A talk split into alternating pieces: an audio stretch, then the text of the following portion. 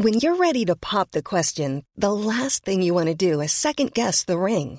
At Bluenile.com, you can design a one of a kind ring with the ease and convenience of shopping online. Choose your diamond and setting. When you find the one, you'll get it delivered right to your door. Go to Bluenile.com and use promo code LISTEN to get $50 off your purchase of $500 or more. That's code LISTEN at Bluenile.com for $50 off your purchase. Bluenile.com code LISTEN. I'm Sandra, and I'm just the professional your small business was looking for. But you didn't hire me because you didn't use LinkedIn jobs. LinkedIn has professionals you can't find anywhere else, including those who aren't actively looking for a new job but might be open to the perfect role, like me. In a given month, over 70% of LinkedIn users don't visit other leading job sites. So if you're not looking on LinkedIn, you'll miss out on great candidates like Sandra. Start hiring professionals like a professional. Post your free job on linkedin.com/people today. Burrow's furniture is built for the way you live. From ensuring easy assembly and disassembly to honoring highly requested new colors for their award-winning seating, they always have their customers in mind. Their modular seating is made out of durable materials to last and grow with you. And with Burrow, you always get fast, free shipping. Get up to 60% off during Burrow's Memorial Day sale at burrow.com slash ACAST. That's burrow.com slash ACAST. burrow.com slash ACAST. Palmemordet, polisspåret, del 1. Sveriges statsminister Olof Palme är död. 90 000. Ja, det är mord på Sveavägen. Hörde de säger att det är Palme som är skjuten. Mordvapnet med säkerhet är en Smith Wesson, en revolver kaliber .357. Inte ett svar. Det finns inte ett svar. För jag har inget. Polisen söker en man i 35 till 40-årsåldern med mörkt hår och lång mörk rock. Det här avsnittet görs i samarbete med Maxulin. Maxulin är ett kosttillskott för män som innehåller testofen, magnesium och zink. Läs mer och beställ Maxulin till halva priset via maxulin.se och använder ni koden maxulin.se slash palme adressen menar jag, så deltar ni i en tävling med chans att vinna en resa till Stockholm med Palmevandring i december 2018 med mig som guide. Som jag har sagt från första början så görs den här podden i samarbete med er. Eh, ni kan donera till podden på patreon.com Palmemordet. Och det jag har pratat om i två och ett halvt år. Det första avsnittet kom den 15 februari 2016 och jag har sagt hela tiden att når vi 500 dollar ska vi ta upp polisspåret 500 dollar per avsnitt och där är vi nu. Och nu börjar polisspåret säger jag nu men egentligen har ju vi gjort 12 avsnitt redan som har med polisspåret att göra. Så att innan ni lyssnar på det här så tycker jag att ni ska lyssna på introduktion till polisspåret del 1 och 2 som väldigt mycket tar upp vad jag kommer att prata om i alla de här polisspåret avsnitten som kommer. Ja, inte allt men det mesta. Ni bör också lyssna på Polisman A del 1 till 8. Polisman A är förmodligen den polisman det finns mest utredningsmaterial på. Jag tror inte jag kommer göra åtta avsnitt om en polisman. Men jag kommer att försöka. Dessutom bör ni lyssna på Stockholms försvarsskytteförening del 1 och 2. Det är alltså de 12 avsnitten ni bör ha lyssnat på innan ni lyssnar på det här. Introduktion till polisspåret del 1 till 2, Polisman A del 1 till 8 från förra sommaren och Stockholms försvarsskytteförening del 1 och 2. Mina källor till det här avsnittet är boken Mordet på Palme och polisspåret som gavs ut 1989 av bland Oliminell Olle Minell i KPMLRs regi och dessutom då Granskningskommissionens rapport. Det är ju då KPMLRs vitbok som eh, råkade ut för en del juridiska problem. De tänker undvika genom att använda Granskningskommissionens beteckningar på alla poliser. Den här skriften kommer jag referera till som vitboken. Och vitboken säger följande. Han måste bort. Det är senhösten 1985. Almanackan visar slutet av november. En övning genomförs i Rikskriminalens lokaler på Kungsholmen i Stockholm. Temat är ett mord på Sveriges statsminister. Bland deltagarna finns det dock en grupp som inte ser det hela som en övning. För dem är det en generalrepetition och för dem faller övningen väl ut. Statsminister Olof Palmes fiender vädrar morgonluft. Äntligen! Maskineriet är igång, apparaten är trimmad och kontaktnätet är utbyggt. Nu är det en tidsfråga. Han måste bort. Drygt två månader senare, i mitten av februari 1986, håller en kärna av högerextremister möte. Diskussionen är intensiv. En militär viftar frenetiskt med höger arm och ur några civilklädda polisers ögon brinner en hatisk eld. Det går ett sus genom skaran av mötesdeltagare när beslutet fattas. Alla går nöjda och lite upphetsade från mötet. Nu är det på gång. Deras hatobjekt ska äntligen stå till svars. Det borde ha skett för länge sedan. Men bättre sent än aldrig. Äntligen. Nu ska han bort. Signalen kommer den 28 februari 1986. Han är oskyddad. Grabbarna på säk ger besked. Han har begärt att få vara utan livvakt på fredagskvällen i samband med ett biobesök tillsammans med familjen. Förberedelserna kan börja. Organisationen avlyssnar hans telefon och vet vart han ska och när. Under dagen görs nödvändiga tjänstgöringsbyten. Det måste vara rätt folk på rätt plats på polisens ledningscentral när larmet ska gå och inget får lämnas åt slumpen. Hur är det med ambulanserna i city egentligen? En nyckelperson har jobbat mellan 07.00 och 15.00. Han måste begära övertid trots att det är fredagskväll och råkallt ute. Det blir ett drygt pass men det får gå. Det är saken värd. En annan nyckelperson ligger med nyopererad blindtarm. Han måste sticka från sjukhuset. Det kan inte hjälpas. Några idiotiska förhållningsregler från läkare får inte sätta käppar i hjulet för saken när nu signalen har kommit.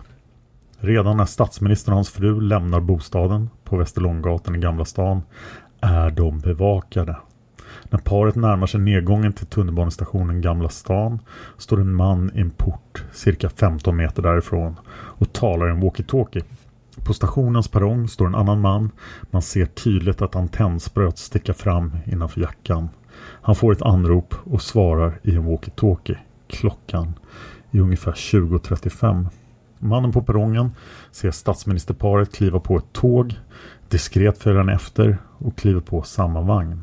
Mannen i porten finns också med, fast i en annan vagn. Det finns kontakt.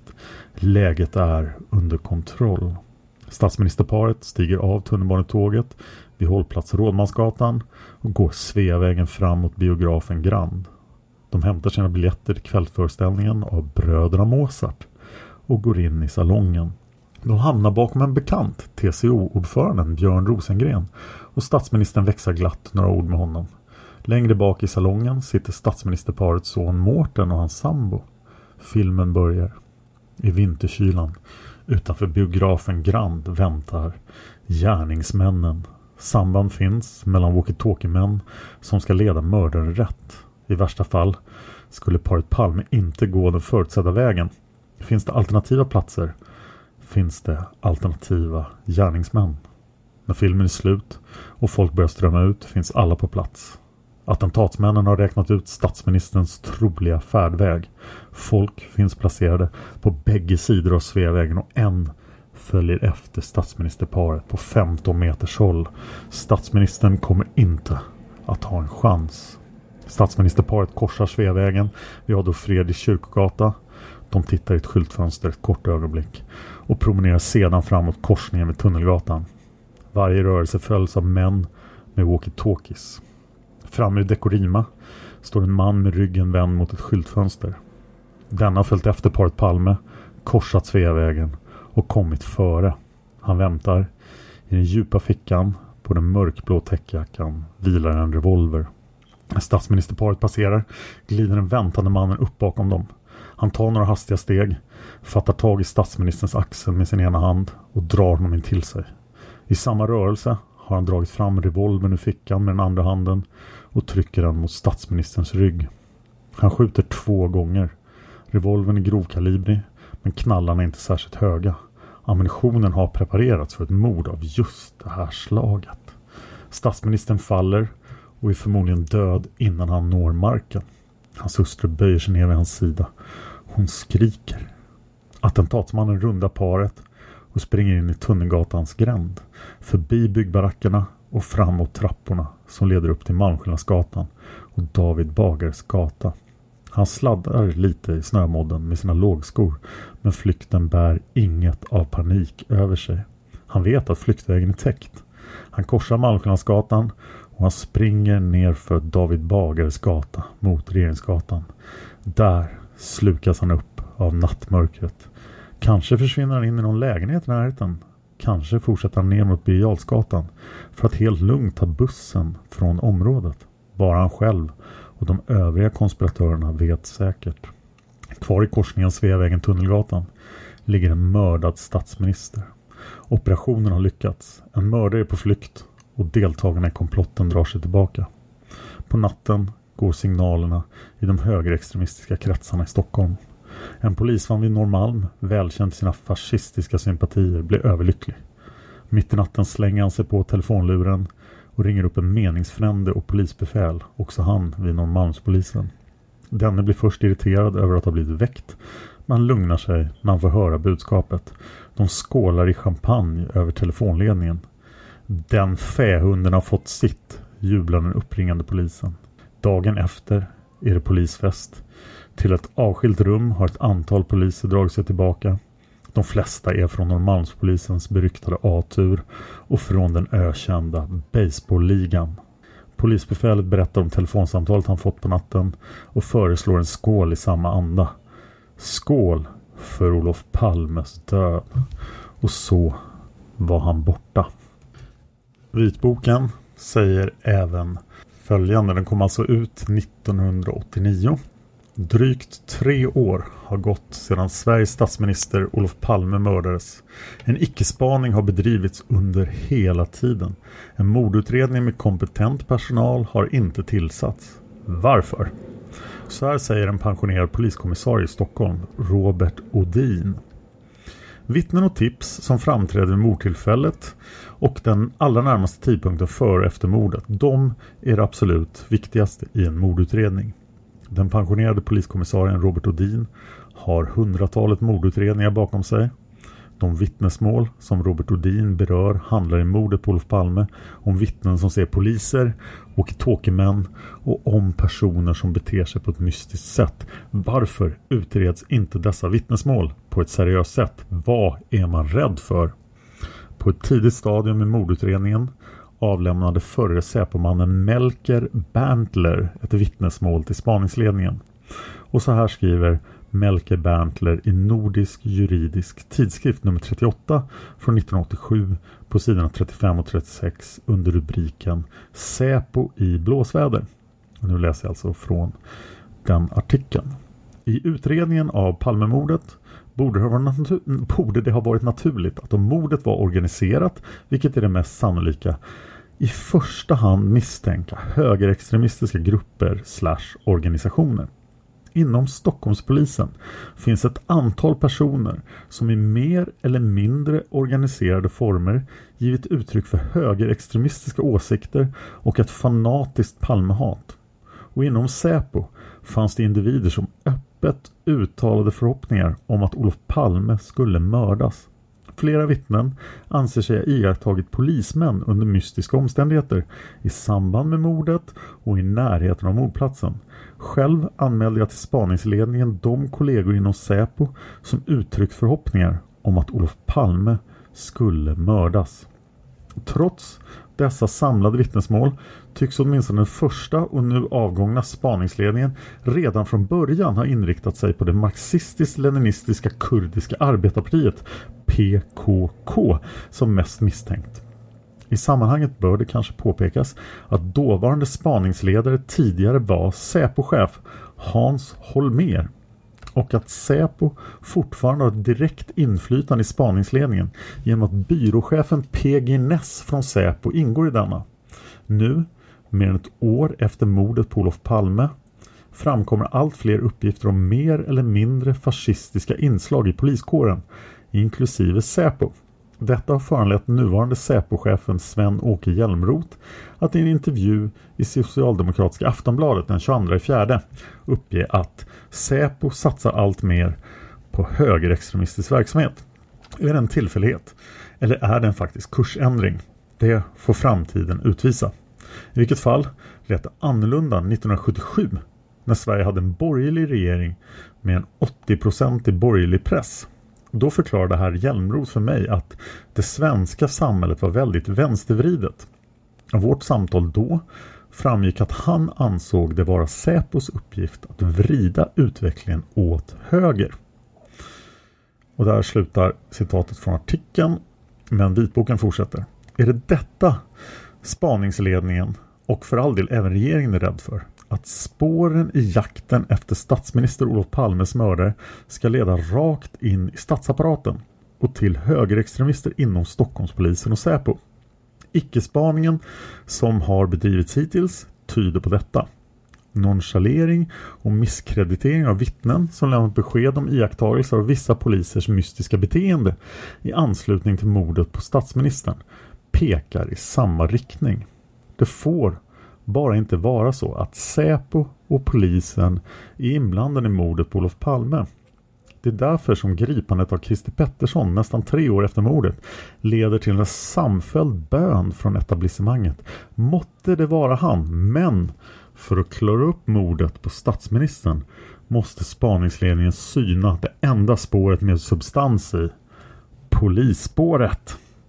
Vitboken avslutar hela boken med följande slutplädering. Det som hittills sagts i denna bok är i huvudsak en sammanfattning av artiklar i tidningen Proletären under åren 1987 till 1989. En del har lagts till, något har utelämnats, åtskilligt mer finns att säga. Men som helhet är detta KPMLRs och Proletärens syn på varför Olof Palme mördades och vilka krafter som låg bakom mordet. För publicering av dessa uppgifter och denna syn har Proletärens chefredaktör och ansvarig utgivare Roger Gross stämts inför Göteborgs tingsrätt.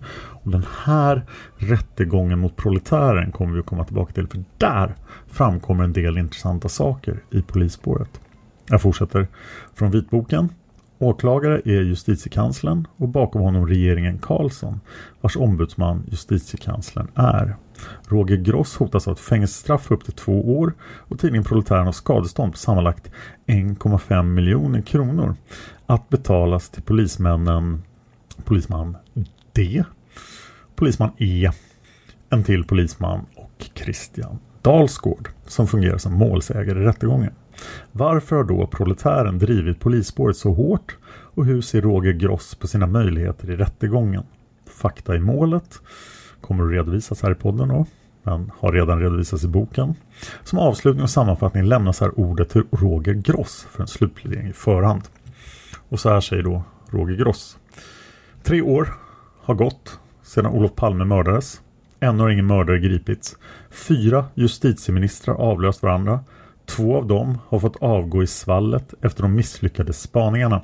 En justitieombudsman, en rikspolischef, en länspolischef och spaningsledare samt en rad andra underhuggare har tvingats att avgå eller dragits med i fallet.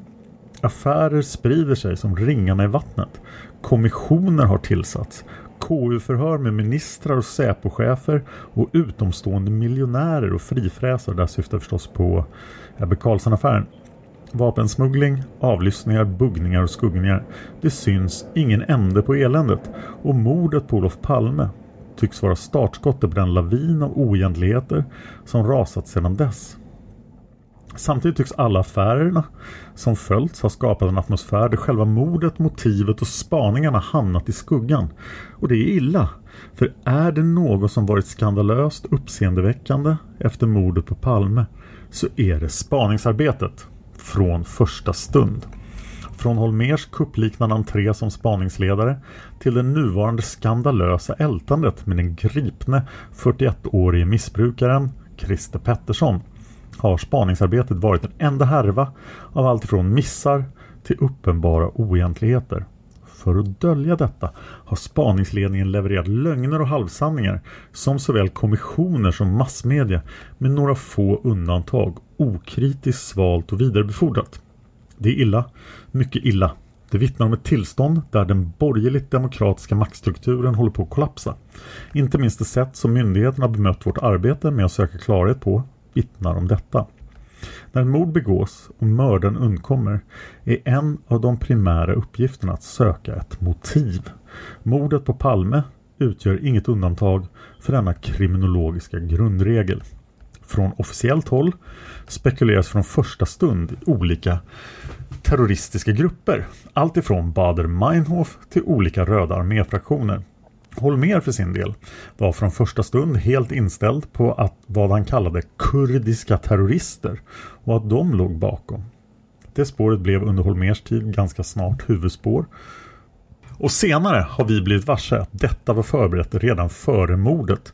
Utropstecken, frågetecken, utropstecken. Jag läser alltså fortfarande från vitboken. En nog så anmärkningsvärd sak. De stora media gjorde snart dessa officiella mordmotiv till sina. Palmes politiska gärningar talade om andra motiv och pekade tydligt åt andra politiska grupperingar med nog så tunga motiv. Palme hade varit engagerad i och stött olika antiimperialistiska riktningar i den tredje världen och var strax före mordet i färd med att planera en resa till Moskva för att stärka avspänningen i världen. De intressen som Palmes engagemang på världsarenan främst korsade var USAs. Med tanke på CIAs meritlista vad gäller politiska mord menade vi ganska omgående att mördaren borde sökas i dessa kretsar. CIA behöver för att genomföra en sån operation som att mörda främmande makts statschef behöver de kontakter i respektive länder. Alltså fanns det från första stund anledning att som hypotes arbeta med teorin att CIA stod bakom en inhemsk konspiration av extrema högerkrafter med sina rötter i den svenska statsapparaten. Ganska snart fick vi kontakt med personer och vittnen som pekade på att svenska poliser skulle kunna vara inblandade. Våren 1987 hade vi samlat så mycket material som tydde på detta att vi började redogöra för substansen i dessa teorier. De vittnesmål och observationer som vi då började att redogöra för kom i efterhand att konstituera det så kallade polisspåret. Jag citerar alltså Roger Gross från Proletären. I samband med att vi fick fatt i vittnen som rengjorde för det de hade sett på mordkvällen blev vi snart på det klara med att det var något skumt i görningen. Gemensamt för alla dessa vittnesmål var nämligen att spaningsledningen av oförklarlig anledning ignorerade dessa vittnen. Trots att många av dessa på ett tidigt stadium kontaktat spaningsledningen tog man antingen inte kontakt med dem, följde inte upp dem, lät dem inte vara med på rekonstruktioner eller så hänvisades de till Säpo som inte ens drog sig för att skrämma upp dem och få dem att ta tillbaka sina vittnesmål. De stora massmedia rynkade på näsan åt dessa uppgifter och det var mycket svårt, ja nästintill omöjligt att slå igenom med dessa mycket anmärkningsvärda uppgifter. Spaningsledningen började ljuga och leverera halvsanningar för att komma ifrån de obehagliga fakta som talade om polisinblandning Hösten 87 gick vårt parti ut i en kampanj för att slå igenom i polisspåret. Vi hade gjort saken känd på stora arbetsplatser runt om i landet och mellan 20 000 och 30 000 arbetare krävde att någon form av opartisk kommission skulle granska det så kallade polisspåret. Trycket blev nu så starkt att Edenmankommissionen som redan tillsatts för att granska spaningsarbetet i allmänhet tvingades att specialgranska polisspåret. Och min kommentar är då att eh, just de tre kommissionernas granskning av polisspåret har gett oss tillgång till massor av material som kommer återkomma här i polisspåret. Det är det material som Inuti labyrinten är baserat på och eh, en hel del annat. Men det kommer vi tillbaka till sen. Jag fortsätter citera Roger Gross. Denna granskning var inte förutsättningslös. Edenman var från första stund motståndare till att behöva granska poliser. Han sa de måste man ju kunna lita på. Granskningen skedde helt på spaningsledningen och Säpos villkor och måste så här i efterhand betraktas som fullständigt värdelös.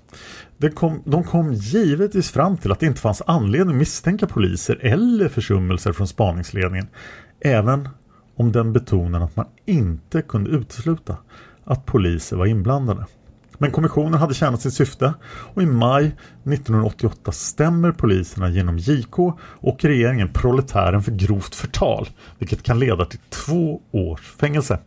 De inblandade poliserna kräver sammanlagt 1,5 miljoner i skadestånd. Samtidigt stämmer JK och poliserna även Internationalen. Författaren Lars Krantz och Norrskensflamman stäms också av poliserna i enskilda åtal. Det är en generalattack mot alla som visat vad polisspåret egentligen handlar om. Med detta hoppas spaningsledningen och de ansvariga myndigheterna att en gång för alla få tyst på alla kritiker och alla som envisas med att peka på alla försummelser, oegentligheter och lögner från åklagaren Almblad och kompani. Men så blir det som bekant inte. Vi för vår del ämnar gå till offensiv i domstolen och visa var i polisspåret består. Syftet med att skriva som vi har gjort har varit att peka på spaningsledningens försummelser och det är dessa plus massmedias okritiska inställning som gjort det försvarbart att skriva som vi har gjort. Sålunda kallar vi som vittnen Holmer och Almblad, poliserna på platsen, ögonvittnen och andra sakkunniga i polisspåret. I slutet av augusti lämnade in vårt bevistema eh, till tingsrätten i Göteborg. Vår offensiv blir offentlig och tänka sig blott tre veckor senare i början av september offentliggör kvällstidningar på uppdrag av Säpo gammal skåpmat från mitten av 70-talet där Holmer och Ebbe Karlsson anklagar oss för att vara maskopi med Bader Meinhof och japanska terrorister och bland annat har hotat med att spränga slagerfestivalen i Göteborg i luften. Löpsedlarna skvallrar om en kampanj från Säpo som bara kan vara ett svar på vårt sätt att lägga upp försvaret i rättegången mot oss. Vi ska misstänkliggöras till varje pris och smutskastas så att varje uns av förtroendekapital barskrapas. Nästa steg för JK blir att avvisa vårt bevistema och kräva att ingen av våra vittnen ska få kallas. Det är en mycket märklig åtgärd från justitiekanslerns sida och i tysthet skulle den kunna få passera. Från de stora media gör man allt för att tiga ihjäl JKs försök att bakbinda våra händer i en kommande rättegång. Men vi lyckas ändå slå oss fram. This Mother's Day, celebrate the extraordinary women in your life with a heartfelt gift from Blue Nile. Whether it's for your mom, a mother figure, or yourself as a mom, find that perfect piece to express your love and appreciation. Explore Blue Nile's exquisite pearls and mesmerizing gemstones that she's sure to love. Enjoy fast shipping options like guaranteed free shipping and returns. Make this Mother's Day unforgettable with a piece from Blue Nile. Right now, get up to 50% off at BlueNile.com. That's BlueNile.com. Hiring for your small business? If you're not looking for professionals on LinkedIn, you're looking in the wrong place. That's like looking for your car keys in a fish tank. LinkedIn helps you hire professionals you can't find anywhere else, even those who aren't actively searching for a new job but might be open to the perfect role. In a given month, over 70% of LinkedIn users don't even visit other leading job sites. So start looking in the right place. With LinkedIn, you can hire professionals like a professional. Post your free job on linkedin.com slash people today. Normally, being a little extra might be a bit much, but not when it comes to healthcare. That's why United Healthcare's Health Protector Guard fixed indemnity insurance plans, underwritten by Golden Rule Insurance Company, supplement your primary plan so you manage out-of-pocket costs. Learn more at uh1.com. och JKs tilltag blir känt. Det är för grovt att gå hem och lagmännen med Inger Lindqvist i spetsen avvisar JKs begäran. Vi ska få kalla våra vittnen och lägga upp vårt försvar som vi själva vill och som tryckfrihetsordningen bjuder oss att göra. JKs försök att tafsa på rättssäkerheten slås tillbaka. Och vi ska i ett senare avsnitt återkomma till just den här rättegången. Men vi lämnar vitboken där för tillfället och går över till granskningskommissionen.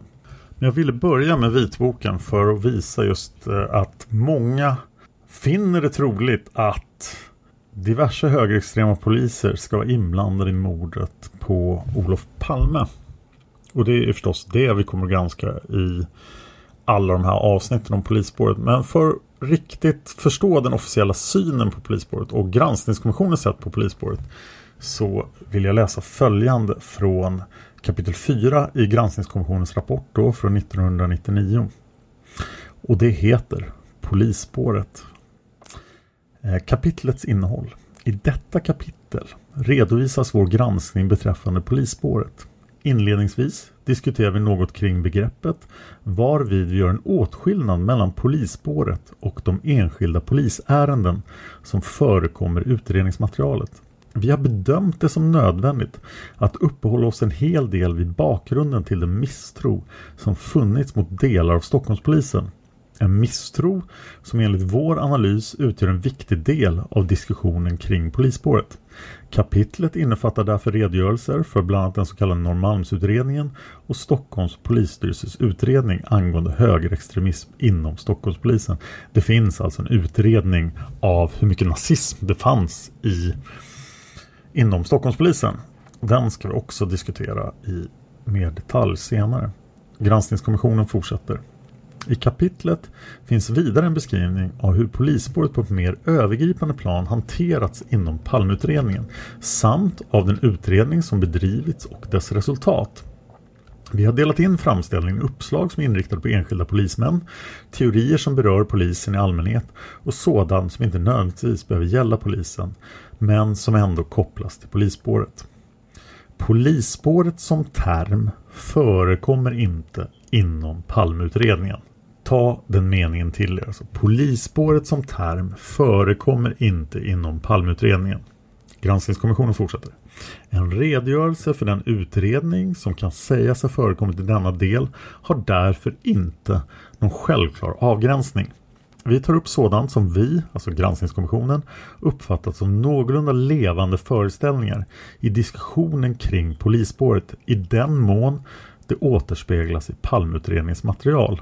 Någon egen utredning av sådant som Palmeutredningen inte gjort men kanske kunde ha gjort har vi inte här lika lite som i andra delar engagerat oss i. Av det sagda följer att allt som sagts och skrivits om polisspåret inte tas upp i vår rapport.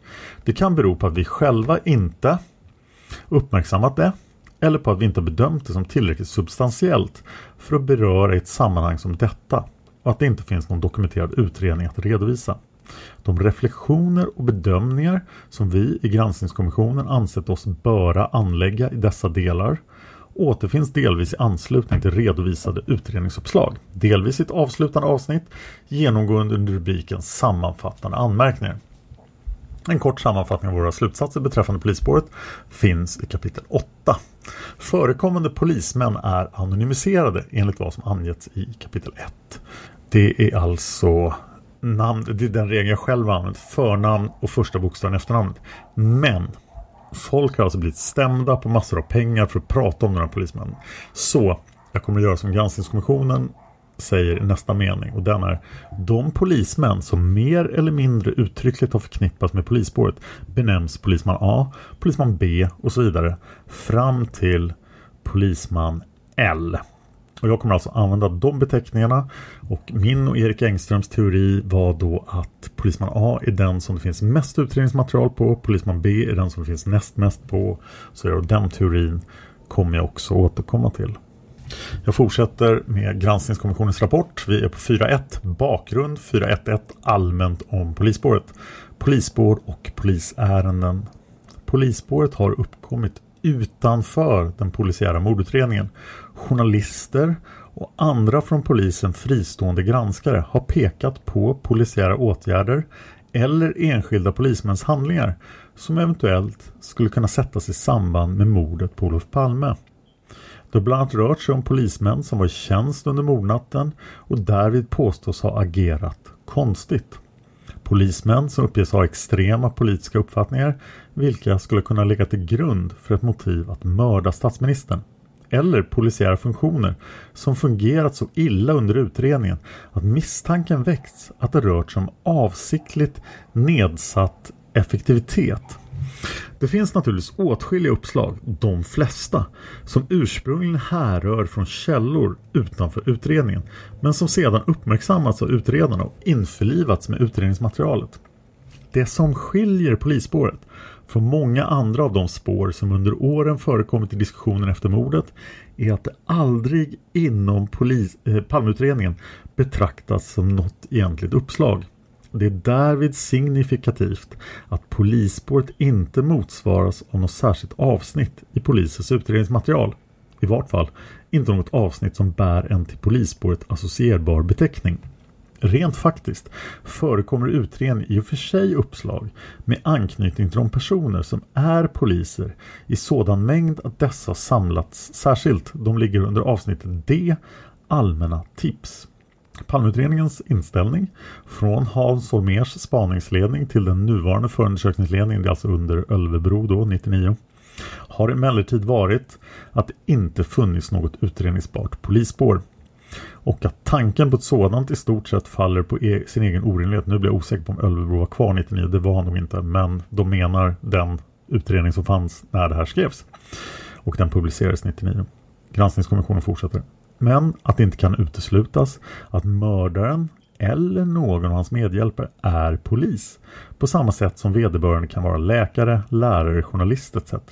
I den meningen, menar man, är det lika oegentligt att prata om ett polisspår som det är att prata om ett läkarspår, ett lärarspår eller journalistspår. Mot den bakgrunden måste vissa distinktioner göras. Med polisspåret menas misstanken att polisen som sådan eller en grupp inom polisen har varit inblandad i mordet. Palmeutredningen har inte funnit några indikationer på ett sådant spår och har därför inte utfört några utredningsåtgärder med den inriktningen. Däremot har Palmeutredningen utrett ett mycket stort antal uppslag angående enskilda polisers eventuella inblandning i mordet. Liksom ett antal andra uppslag som skulle kunna peka på en polisiär inblandning.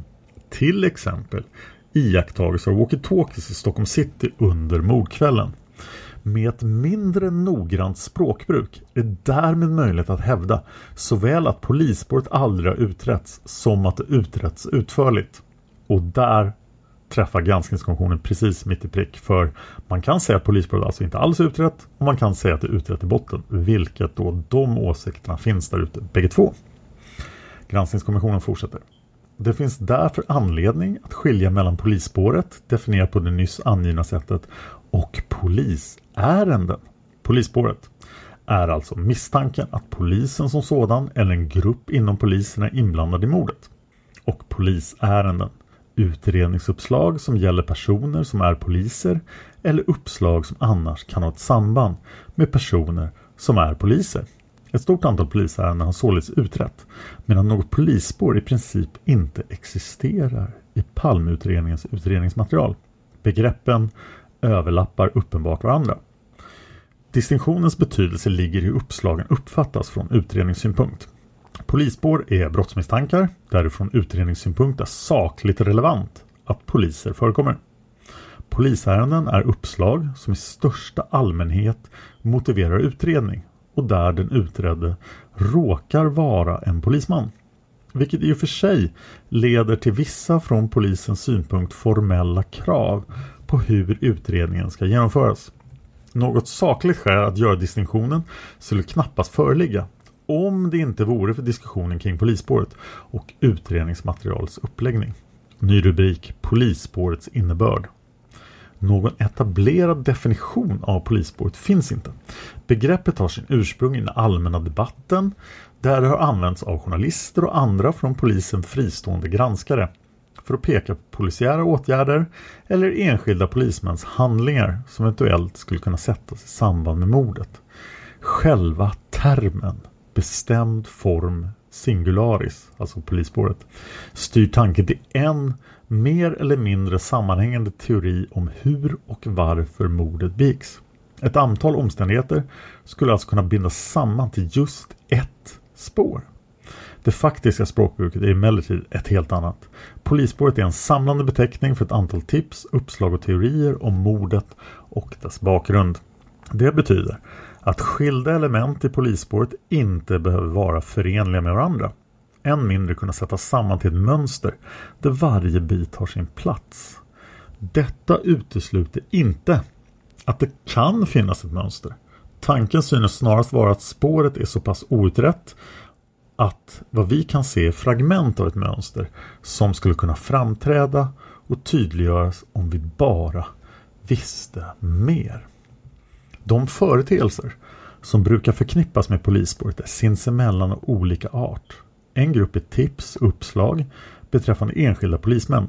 De misstankar därvid kan vara fråga om kan gälla dels något som kan sättas i samband med brottet, dels politiska uppfattningar av så extrem art att de skulle kunna ha utgjort ett brottsmotiv. Denna grupp sammanfaller med det som definieras som polisärenden. Begreppen är som sagt överlappande. En andra grupp utgörs av andra iakttagelser, tips eller uppslag som berör polisen som myndighet och kan sättas i samband med mordet.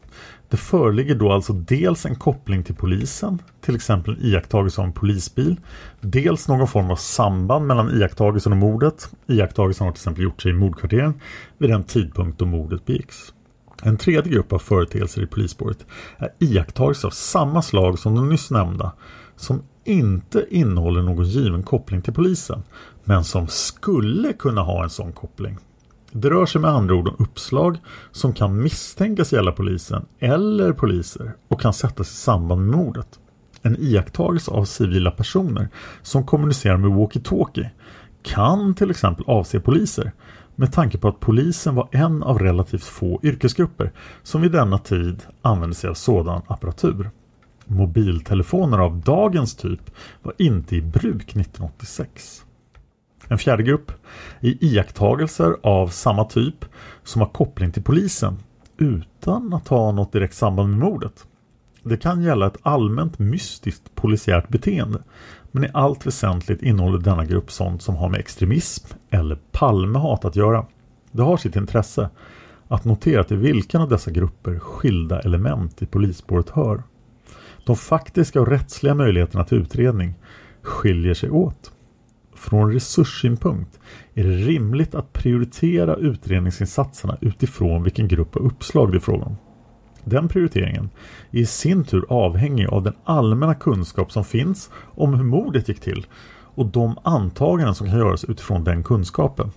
De resurser som läggs ner på att utreda en polisiär konspiration bör till exempel sättas i relation till sannolikheten av att mordet är en resultat av en konspiration. Från den synpunkten finns alltså två prioriteringsgrunder. Dels själva uppslagets art och substans, dels hur uppslaget kan fogas in i det redan framtagna utredningsmaterialet. Granskningskommissionen fortsätter med en översikt över polisspårets innehåll. Utpekade enskilda polismän. En stor mängd polisärenden bör inte räknas till polisspåret. Det gäller framförallt tips som inkommit till polisen och utretts utan att de uppmärksammats utanför utredningen och som inte innehåller något konspiratoriskt inslag. Till polisspåret hör däremot uppslagen gällande enskilda poliser som tillhör den krets poliser som förknippas med den så kallade baseballligan. Den utbredda misstro som funnits mot dessa poliser har medfört att tips angående någon av dem, inte minst i massmedierna, rönt särskild uppmärksamhet och rest förväntningar på noggranna utredningsåtgärder. Till polisspåret hör vidare uppslag gällande enskilda poliser som uppvisat eller påstås ha uppvisat nazistiska eller högerextrema åsikter. Förväntningarna på utredningsåtgärder här har funnits även då det saknas ett direkt samband mellan det som läggs polismannen i fråga till last och mordet på Olof Palme. Kärnan i denna del av polisspåret gäller en grupp enskilda poliser eller före detta poliser. För personerna i denna grupp gäller att ett eller flera av följande kriterier är uppfyllda. Det är fem kriterier. Och den första kriterien är har uppvisat eller påstås ha uppvisat nazistiska eller högerextrema åsikter. Kriterie 2 har uttalat eller påstås ha uttalat kraftig aversion mot Olof Palme. Kriterie nummer 3 har varit föremål för iakttagelser eller påstådda iakttagelser som kan sättas i samband med mordet på Olof Palme. Kriterie 4. Innehar privat revolver av den typ mordet sannolikt begåtts med. Kriterie 5. Har besökt Sydafrika under apartheidregimens tid. Granskningskommissionen fortsätter. Med en grövre indelning rör det sig alltså om två slags kriterier. Dels de som förknippas med polisiärt övervåld, dels de som har att göra med extrema åsikter. I praktiken uppfyller flera av de aktuella polismännen bägge kriterierna. När en polis ur denna krets nämns i samband med polisspåret är det med misstanken att vederbörande ingått i någon form av sammansvärjning som legat bakom mordet på Olof Palme. Det betyder att det från utredningssynpunkt inte är tillräckligt att konstatera att den utpekade polisman inte kan vara gärningsmannen. Till exempel på grund av att han har alibi. Eftersom vederbörande fortfarande kan ha en roll i den misstänkta sammansvärjningen. De som intresserar sig för polisspåret söker därför efter personliga eller andra samband mellan de förekommande poliserna. Samband som man i sin tur söker länka vidare till Palmemordet. Från denna synpunkt är det till exempel relevant om några poliser ur denna krets tillsammans i organiserade former gett uttryck för en kraftig aversion mot Olof Palme. Det finns vidare några polisärenden som förekommit i diskussionen kring polisspåret utan att de utpekade för den skull hör till ovan nämnda kategorier. Det gäller till exempel en officer med vapenintresse och kopplingar till polisen. Det gäller även en del enskilda polismän som inte synes ha något samband med baseballligan. Ett sådant polisärende som synes vara fristående från de nämnda uppslagen gäller den polisman som bland annat företog en märklig resa kort efter mordet. Uppslag som berör polisen i allmänhet. Polisspåret innehåller ett antal uppslag som mer eller mindre uttryckligt pekar ut poliser och som också innefattar ett påstående om att uppslaget kan sättas i samband med Palmemordet, det vill säga mer konkreta sammansvärjningsanklagelser. Det gäller uppgiften om ett privat polismöte i Stockholm dagen före mordet det så kallade Södermötet där mordet skulle ha planerats eller diskuterats på något sätt. En tid före mordet ska det vidare ha förekommit ett möte med deltagarna av bland annat poliser i Norrköping där deltagarna ska ha konspirerat mot regeringen Olof Palme, det så kallade Norrköpingsmötet. En annan uppgift av detta slag gäller den så kallade polisfesten.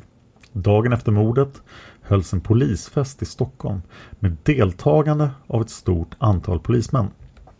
Det förekommer uppgifter om att det vid denna fest skulle ha utbringats en skål för mordet. En uppgift som skulle kunna uppfattas som ett tecken på polisiär inblandning. Buss 43 kallas ett tips som härrör från en journalist. Den iakttog kring tidpunkten för mordet två mystiska män i anslutning till 43ans buss. Han utpekade männen som två av dem som ingår i kretsen kring baseballligan. Även bussföraren redovisade iakttagelser. Uppgifterna om den dåvarande länspolismästarens Hans Holmers uppehållsort under mordnatten hör också hit. Det har ifrågasatts om denne som han själv uppgett befann sig i Borlänge på mordnatten. Misstanken är att Hans Holmer i själva verket var i Stockholm och att han således ljugit om sina förehavanden vid tidpunkten för mordets begående. Eftersom det är misstankar som rör den dåvarande chefen för Stockholmspolisen och omständigheter som kan sättas i tidsmässigt samband med mordet kan det räknas till polisspåret i denna del. Men det kommer inte jag göra utan den biten kommer jag ta upp i spåret Spaningsledarna där vi ska prata mycket om Hans Holmér. Det är väl känt dokumenterat att polisens insatser under mordnatten var anmärkningsvärt otillräckliga.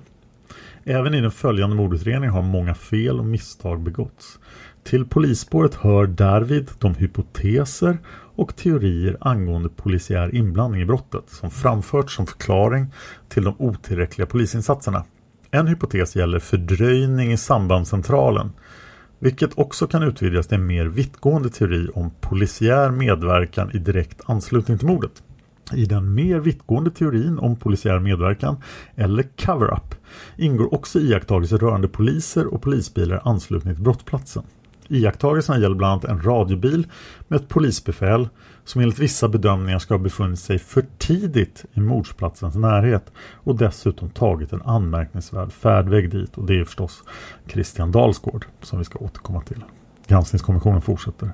Uppslag som eventuellt kan förknippas med polisen. Det finns en grupp uppslag som brukar nämnas i samband med polisspår trots att de inte nödvändigtvis behöver avse polisen eller enskilda polismän. Tipset, iakttagelsen etc. kan alltså tänkas vara korrekt och relevant för utredningen men ändå inte ha med polisspåret att göra. Det mest omtalade gäller ett vittne som redovisat iakttagelser av män med misstänkt walkie-talkie-utrustning. Och det är ju då vittnet Ulla som vi tog upp i walkie-talkie-avsnittet. Två finländska kvinnor har redogjort för ett möte med en man som stod utanför Dekorima, det vill säga intill mordplatsen och talade i en walkie-talkie. Mannen pratade finska och en av kvinnorna kände igen honom från ett gym i Upplands Väsby. Mötet ägde rum kort före mordet. Han brukar kallas Dekorima-mannen och han är ett separat spår. Så att han kommer inte att komma i polisspåret. Granskningskommissionen fortsätter. Ett vittne som bodde i innerstaden har redovisat iakttagelser av en bil vars förare först talat i en radiosändare och därefter med rivstart avlägsnat sig från platsen. Det har vi också tagit upp i walkie-talkie-avsnitten. Eh, granskningskommissionen fortsätter. Extremistiska uppfattningar eller rörelse inom polisen. Ett centralt inslag i polisspåret utgörs av uppgifter om olika former av extremism inom poliskåren. Dessa uppgifter har inget direkt samband med mordet men kan på samma sätt som extremrörelser på andra håll i samhället vara av intresse vid eftersökande av ett eventuellt motiv för mordet. De uppgifter som förekommer rör högerextremism i vid mening. Tanken på sådan extremism föranledde polisstyrelsen i Stockholm att i mars 1987 initiera en utredning där diverse företeelser undersöktes. Det är delvis dessa företeelser som återkommer i polisspåret och vi kommer återkomma till den utredningen. Så, det var alltså granskningskommissionens bild av vad polisspåret är. Vi har tagit upp hur allvarligt polisspåret är enligt vitboken. Och vi har i två avsnitt gjort då introduktionen till polisspåret. Där också kommer massor av saker. Allt det här kommer vi att beröra närmare i polisspåravsnitten. Men för att bege oss in i polisspåret måste vi först gå inuti labyrinten. Och det är det vi ska göra i nästa avsnitt. Palmemordet finns på Facebook och Youtube. Det är bara att söka på Palmemordet. Jag finns på Twitter som Dan Horning. Jag finns på Instagram som Dan Hörning. Den här podden sponsras också av Nextory. Om ni går till nextory.se kampanjkod, skriver in koden Palme, får ni 30 dagars gratis Nextory. Alla får 14 dagar gratis, men ni Palmemordslyssnare, ni får 30 dagar. Jag vill hemskt gärna ha iTunes-recensioner. Om ni har synpunkter på podden, gå gärna in på iTunes och lämna en recension. Gärna fem stjärnor. Jag vill också tacka alla som sponsrar den här podden på Patreon. Och sen tänkte jag avsluta med att berätta lite mer om den här tävlingen som Maxolin har gjort. Om ni går till Maxolin och skriver in koden Palme så är ni alltså med i den här tävlingen. Om ni har köpt Maxulin via länken eh, som alltså är Maxulin, M-A-X-U-L-I-N.se slash Palme. Då är du med i tävlingen. Den 3 december 2018 kommer vi att dra tre tävlande. Tre tävlande från Palmemordet och tre tävlande från min andra podd, Seriemördarpodden.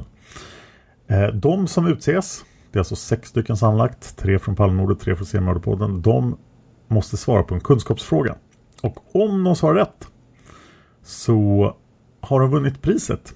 Och priset är alltså en Palmevandring den 14 december 2018. Och den, de som tävlar då eh, och utses den 3 december. De har 72 timmar på sig att svara. De här priserna kan inte bytas ut mot någon ekonomisk motsvarighet och de måste alltså begäras då han måste svara på frågan inom 72 timmar. Alltså den, i princip den 3, 4, 5 december. Det var allt från det här avsnittet och nu går vi in i labyrinten. Man hittar Palmes mördare om man följer PKK-spåret till botten. Därför att ända sedan Julius Caesars tid har det aldrig hört talas om ett mord på en framstående politiker som inte haft politiska skäl. Polisens och åklagarens teori var att han ensam hade skjutit Olof Palme. Och det ledde också till rättegång. Men han frikändes i hovrätten. Nu ska vi ut och röva, stråtiga. Vi ska ut och röva. Imagine the softest sheets you've ever felt. Now imagine them getting even softer over time. That's what you'll feel with Bowl and Branch's organic cotton sheets. In a recent customer survey, 96% replied that Bowl and Branch sheets get softer with every wash. Start getting your best night's sleep in these sheets that get softer and softer for years to come. Try their sheets with a 30-night guarantee. Plus, get 15% off your first order at bowlandbranch.com. Code BUTTERY. Exclusions apply. See site for details. A lot can happen in the next three years. Like a chatbot may be your new best friend. But what won't change? Needing health insurance.